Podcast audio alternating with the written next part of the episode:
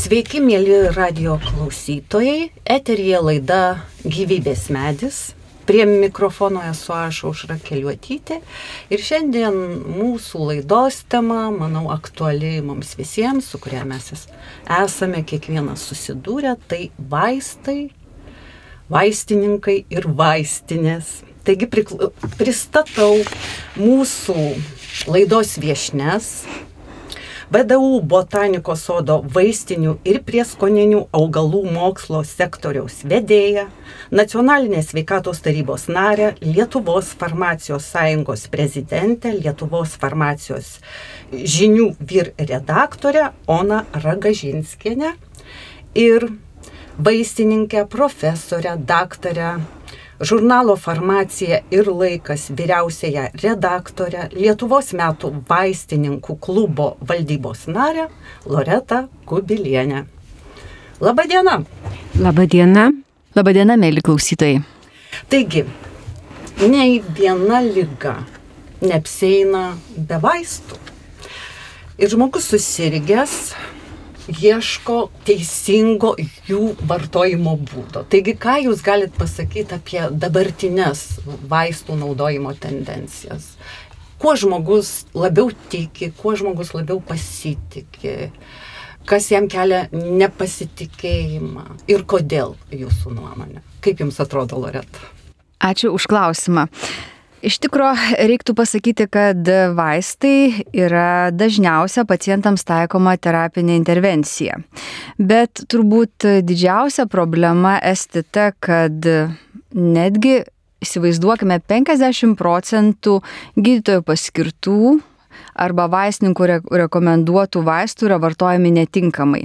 Kas atsitinka? Aišku, mes nepasiekėme terapinio efekto, turbūt atsiranda tam tikras nepasitikėjimas tiek gydytojas, tiek vaistininkais ir tiesiog pacientas turbūt negauna iš to vaisto, ko turėtume tikėtis, tai yra simptomų eradikacijos ar lygos išgydymo. Iš tikrųjų, neturime tokių skaičių Lietuvoje, kiek neteisingai pacientai vartoja vaistus, bet įsivaizduokime, kad beveik 2 milijonai JAV gyventojų kasmet patiria vaistų vartojimo problemų. Galimos tiek receptinių, tiek nereceptinių vaistų sąveikos sukelia iki 2 milijonų nepagėdavimų vaistų poveikių. Medicinės klaidos susijusios su netinkamu vaistų vartojimu yra trečia pagrindinė mirties priežastis JAV. Deja, Lietuvoje šios klaidos nėra įtrauktos į statistiką. Iš tikrųjų, tiek pacientų pinigai, tiek valstybės pinigai išleidžiami vaistams ir finansavimas susijęs su vaistų susijusių problemų sprendimui. Tai reiškia ilgesnis hospitalizavimo laikas, pakartotinis hospitalizavimas nuolat auga. Tenka pripažinti, kad visgi didžiąją dalį atsakomybės dėl netinkamo vaistų vartojimo turėtų prisimti pacientai. E, tam yra iš tikrųjų labai e, daug ir įvairių priežasčių, bet e, visgi e, pacientam turbūt trūksta informacijos apie tinkamą ir teisingą vaistų vartojimą. Todėl vaistininkas, būdamas farmakoterapijos ekspertų, gali ateiti pagalbą ir rekomenduoti tinkamą ir saugų ir racionalų gydimą vaistais.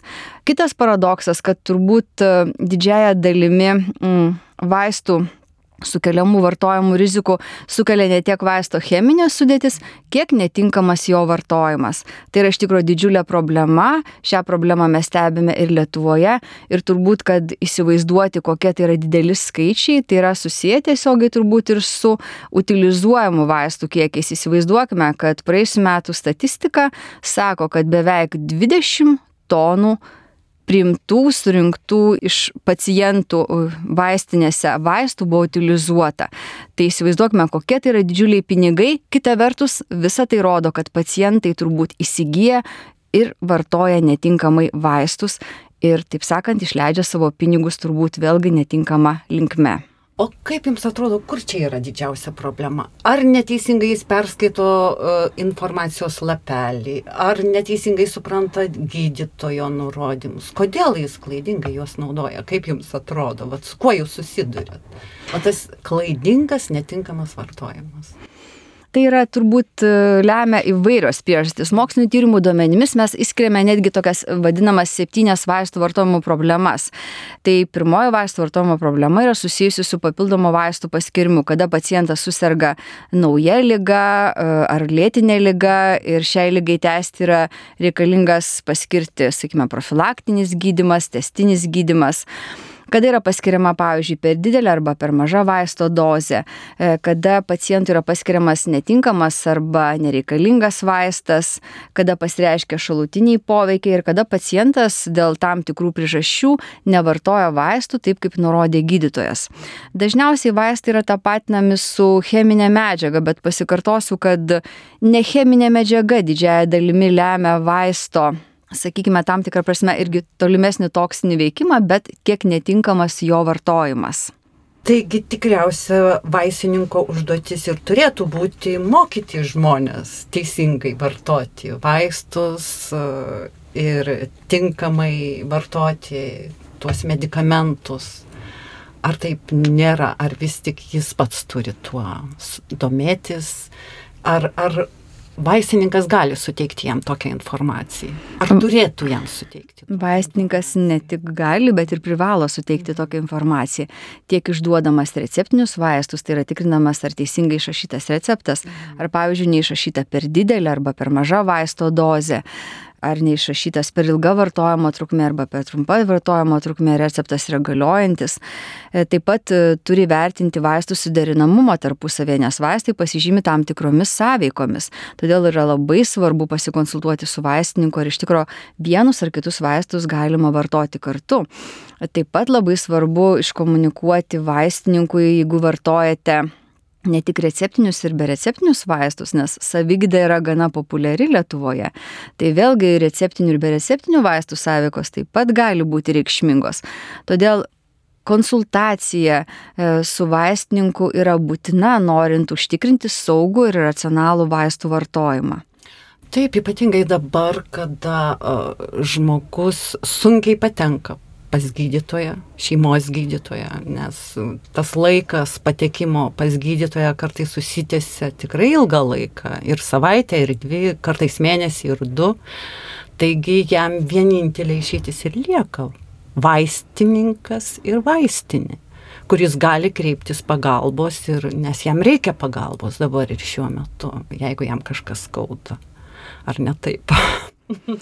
e, turbūt ne tik turbūt, bet taip žinoma, vaistininkas yra turbūt tas lengviausiai prieinamas e, sveikatos specialistas, kuris gali suteikti kvalifikuotą, tinkamą konsultaciją susijusią su racionaliu vaistų vartojimu. Nes taip, nes bet ir pandemijos metu juk žmonės buvo palikti vaistininkų e, globai. Iš esmės vaistininkų ir vaistinių globai.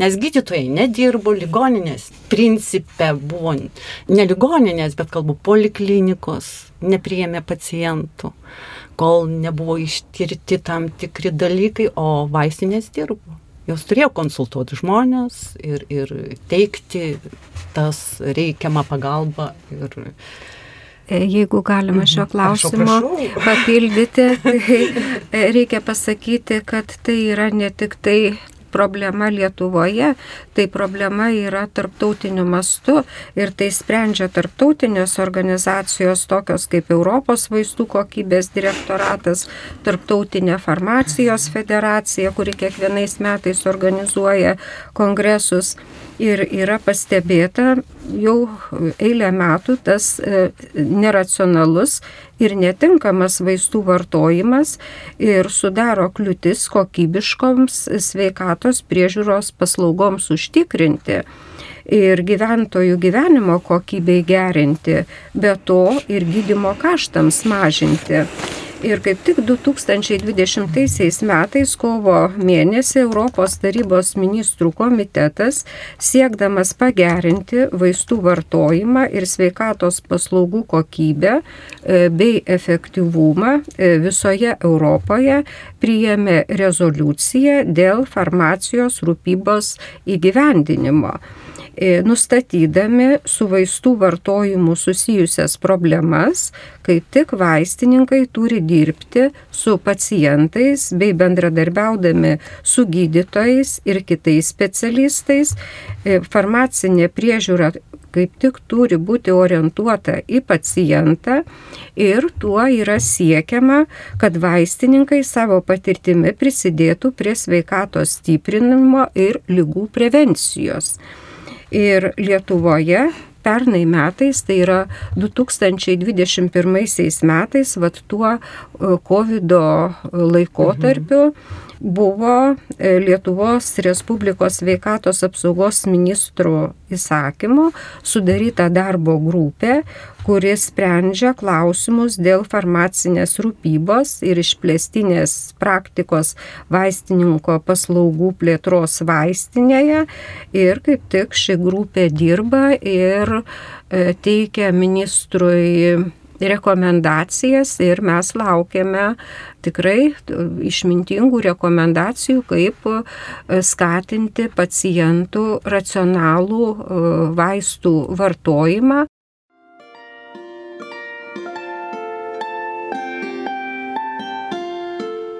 Jūs girdite Marijos radiją.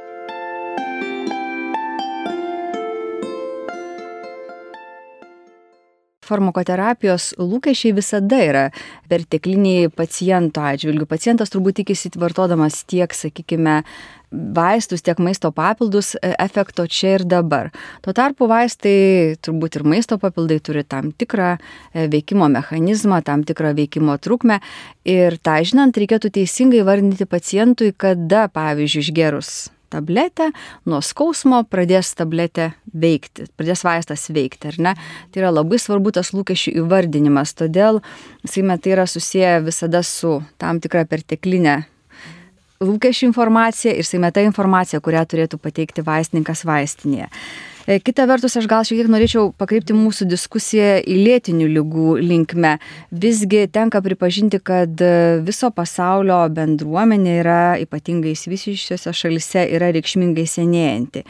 Ir tarkime, remiantis 21 metų Lietuvos sveikatos e, statistikos būklės apžvalga, 51 procentas 65 metų ir vyresnių asmenų serga viena ir daugiau lėtinių lygų.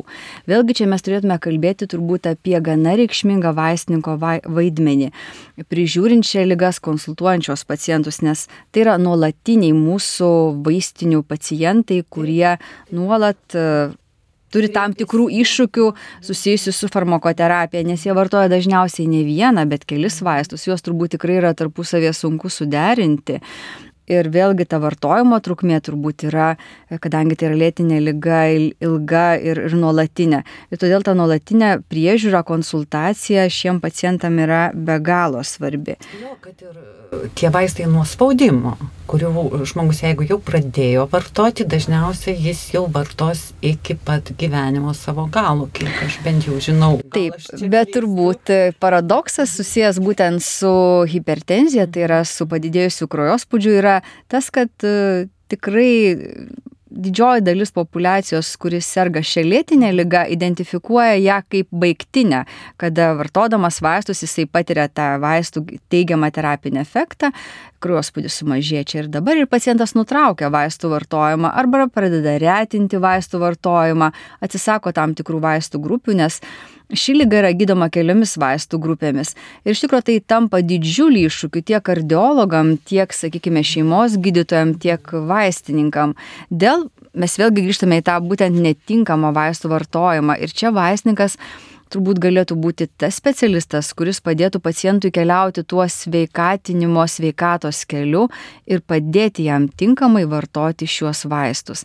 Nes Nes tikrai yra kartais sudėtinga. Vat visai neseniai susidūriau su tokiu atveju, vat, su savo draugės atveju, kurios, kuri nau, vartoja šitos vaistus ir staiga jai nukrenta spaudimas iki 70. E, ir ką dabar daryti tokiu atveju? Jinai, o jinai geria e, vaistus nuo spaudimo ir staiga spaudimas visiškai nukrenta. Ir tikrai žmogus pasimeta ar jam nutraukti ar nenutraukti, bet tokiu atveju ką daryti, kada, sakykime, ten prieš mėnesį jam, buvo, jai buvo vos ne 200 spaudimas ir dabar staiga tai visiškai nukrenta ir jinai netgi alpsta. E, Hipotenzija yra lygiai taip pat pavojinga būklė, turbūt kaip ir hipertenzija. Tikrai jūsų draugai rekomenduotume artimiausiu metu susisiekti su gydančiu gydytoju ir koreguoti turbūt gydimą. Labai tikėtina, kad e, galbūt dėl tam tikrų vaistų grupių, nes kaip ir minėjau, tai yra sudėtinė terapija, farmakoterapija, reikėtų tikrai pasikonsultuoti su su gydančiu gydytoju. E, vaistininkas galbūt galėtų toje kelionėje ir toliau lydėti jį, bet pirmoji konsultacija vėlgi turėtų būti gydytojo, nes hipotenzija, kaip ir minėjau, yra tokia pati pavojinga būklė kaip ir hipertenzija, nes didėja griuvimų rizika, kitos problemos. Jeigu tai yra vyresnis amžius, tai vėlgi yra labai svarbu spaudiminė lyga. Taigi ir dabar, kadangi mes tikrai visi vartojam vaistus, o kur išmesti tuos netinkamus vaistus, bet kurių, kurių galiojimo laikas jau baigėsi. Kur juos dėti? Bet ką žmogui daryti? Nes aš nemanau, kad yra teisingai išeitis juos išmesti iš šiukšlių dėžę. Labai ačiū. Turi, turi tą neigiamą poveikį, aš manau, aplinkai. Tai va, ką, kaip įspręsti šitą problemą? Labai ačiū šį klausimą. E, aš jo tikėjausi ir norėčiau dar kartą paraginti visus mūsų pacientus, kurie turi namuose vaistų, e, pasibaigusio galiojimo termino vaistų, būtinai juos nunešti į artimiausią vaistinę. Tai yra būtent šis teisingas kelias, norint tinkamai utilizuoti vaistus, nunešti juos į vaistinę. Vaistinės iš vaistinių surenka irgi įmonės, kurios šios vaistus utilizuoja, tai juos sudegina labai aukštoje temperatūroje.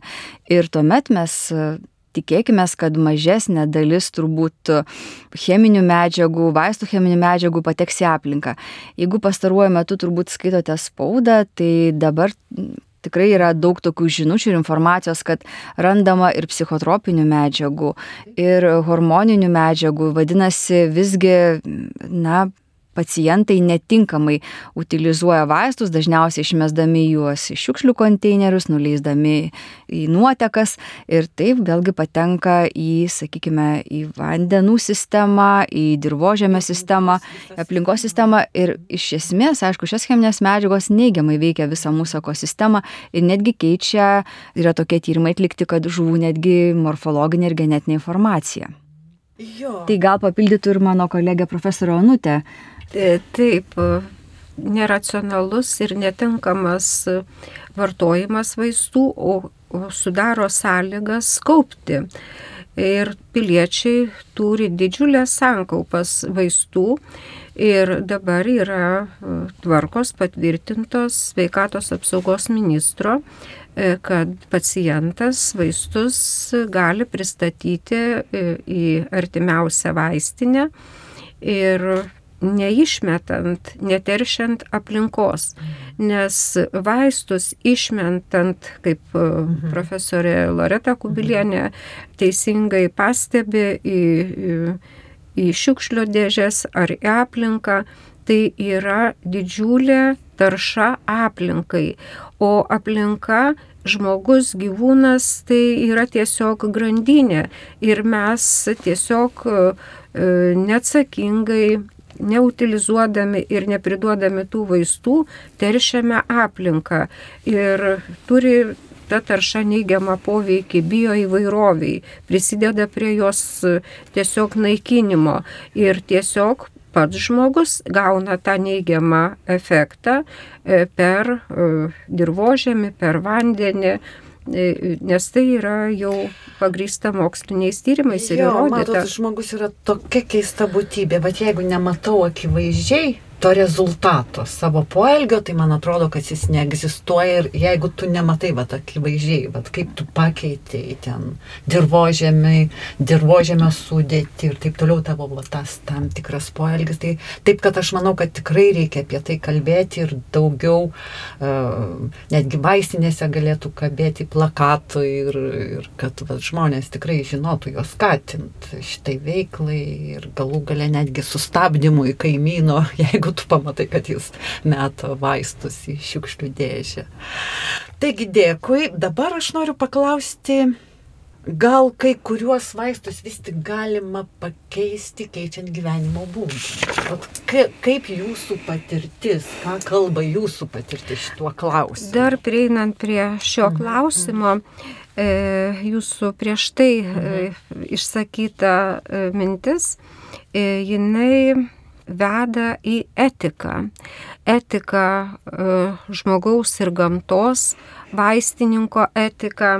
Vaistininkai turi savo Lietuvos vaistininko etikos mhm. kodeksą mhm. ir viena iš seniausių organizacijų Lietuvos farmacijos sąjunga e, turi priėmusi etikos kodeksą ir e, jame yra E, kaip tik tai apibriešta, kad vaistininkas savo veiklą grindžia profesijos žiniomis, žmogiškosiomis vertybėmis bei e, Lietuvos vaistininkystės tradicijomis. Aišku, savaime Lietuvos konstitucija ir visais teisiniais aktais.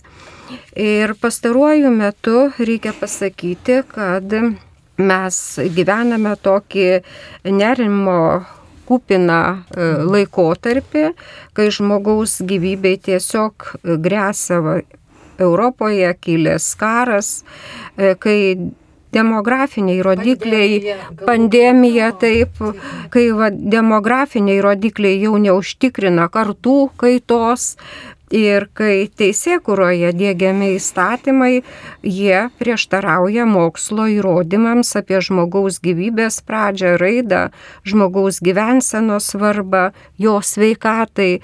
Ir kaip tik tai mokslinėse konferencijose yra tai kalbama. Ir e, paskaitos yra organizuojamos ir visuomeniai e, vykdoma e, mokslo žinių sklaida ir visuomeniai, ne tik tai specialistams. Ir reikia pasakyti gerą žodį jūsų Marijos radijoje, kuris skleidžia ir žinias, teisingas žinias apie e, žmogaus ekologiją, apie sveiką gyvenimo būdą, apie va, šiandieną mes kalbame racionalų vaistų vartojimą. Tai yra labai svarbu svarbu e, ir mes esame atsakingi ne tik už savo sveikatą šiandieną, bet mes esame atsakingi kokius namus paliksime po savęs ateities kartoms. Taip, taip, labai teisingai. Taip, Loreta, ką jūs galėtumėt pridurti? E, tai norėčiau gal grįžti irgi e, prie klausimo, kur jūs uždavėte dėl sveikatos ir tam tikrų rizikos veiksnių, kurie vienaip ar kitaip įtakoja, sakykime, mūsų sveikatos būklę. E, taigi, noriu pacituoti keletą skaičių ir keletą išvalgų, kurias pateikia mūsų sociodemografinės statistikos. Lietuvoje tikėtina gyvenimo trukmė 20 metais buvo dėja trečia trumpiausia Europos Sąjungoje ir beveik šešių metų trumpesnė, šešiais metais trumpesnė už Europos Sąjungos vidurkį. Nors e, jeigu vertintume 10-19 metų tikėtiną gyvenimo trukmę Lietuvoje, jinai ilgėjo sparčiausiai Sąjungoje, ši e, tendencija visgi suprastėjo, nesutrukdė iš tikro e, COVID-19 pandemijos poveikis. Bet tenka pripažinti, kad beveik pusę visų mirčių Lietuvoje lemia su gyvenimo būdu susijusi, e, susijęsi veiksniai ir su aplinka susiję rizikos veiksniai. Tai reiškia, kad didelis Lietuvos gyventojų mirtingumas ir prasta sveikatos būklė daugiausia susijęs su elgsenos rizikos veiksniais. Apskaičiuota, kad beveik pusę visų mirčių Lietuvoje galima susijęti su elgsenos ir aplinkos rizikos veiksniais, įskaitant su mytyba susijusias rizikas, tabako ir alkoholio vartojimą ir mažą fizinį aktyvumą. 19 e, metais maždaug 25 procentai visų mirčių nulėmė su mytyba susiję rizikos veiksniai, tai yra įskaitant e, mažą vaisių ir daržovių vartojimą ir didelį cukraus ir druskos suvartojimą. Ir tai gerokai viršyje ES vidurkį. Taigi, vadinasi, rizikos veiksniai, žalingi įpročiai tikrai vienaip ar kitaip tiesiogiai koreliuoja tiek su lyguistumu, tiek su mirštamumu.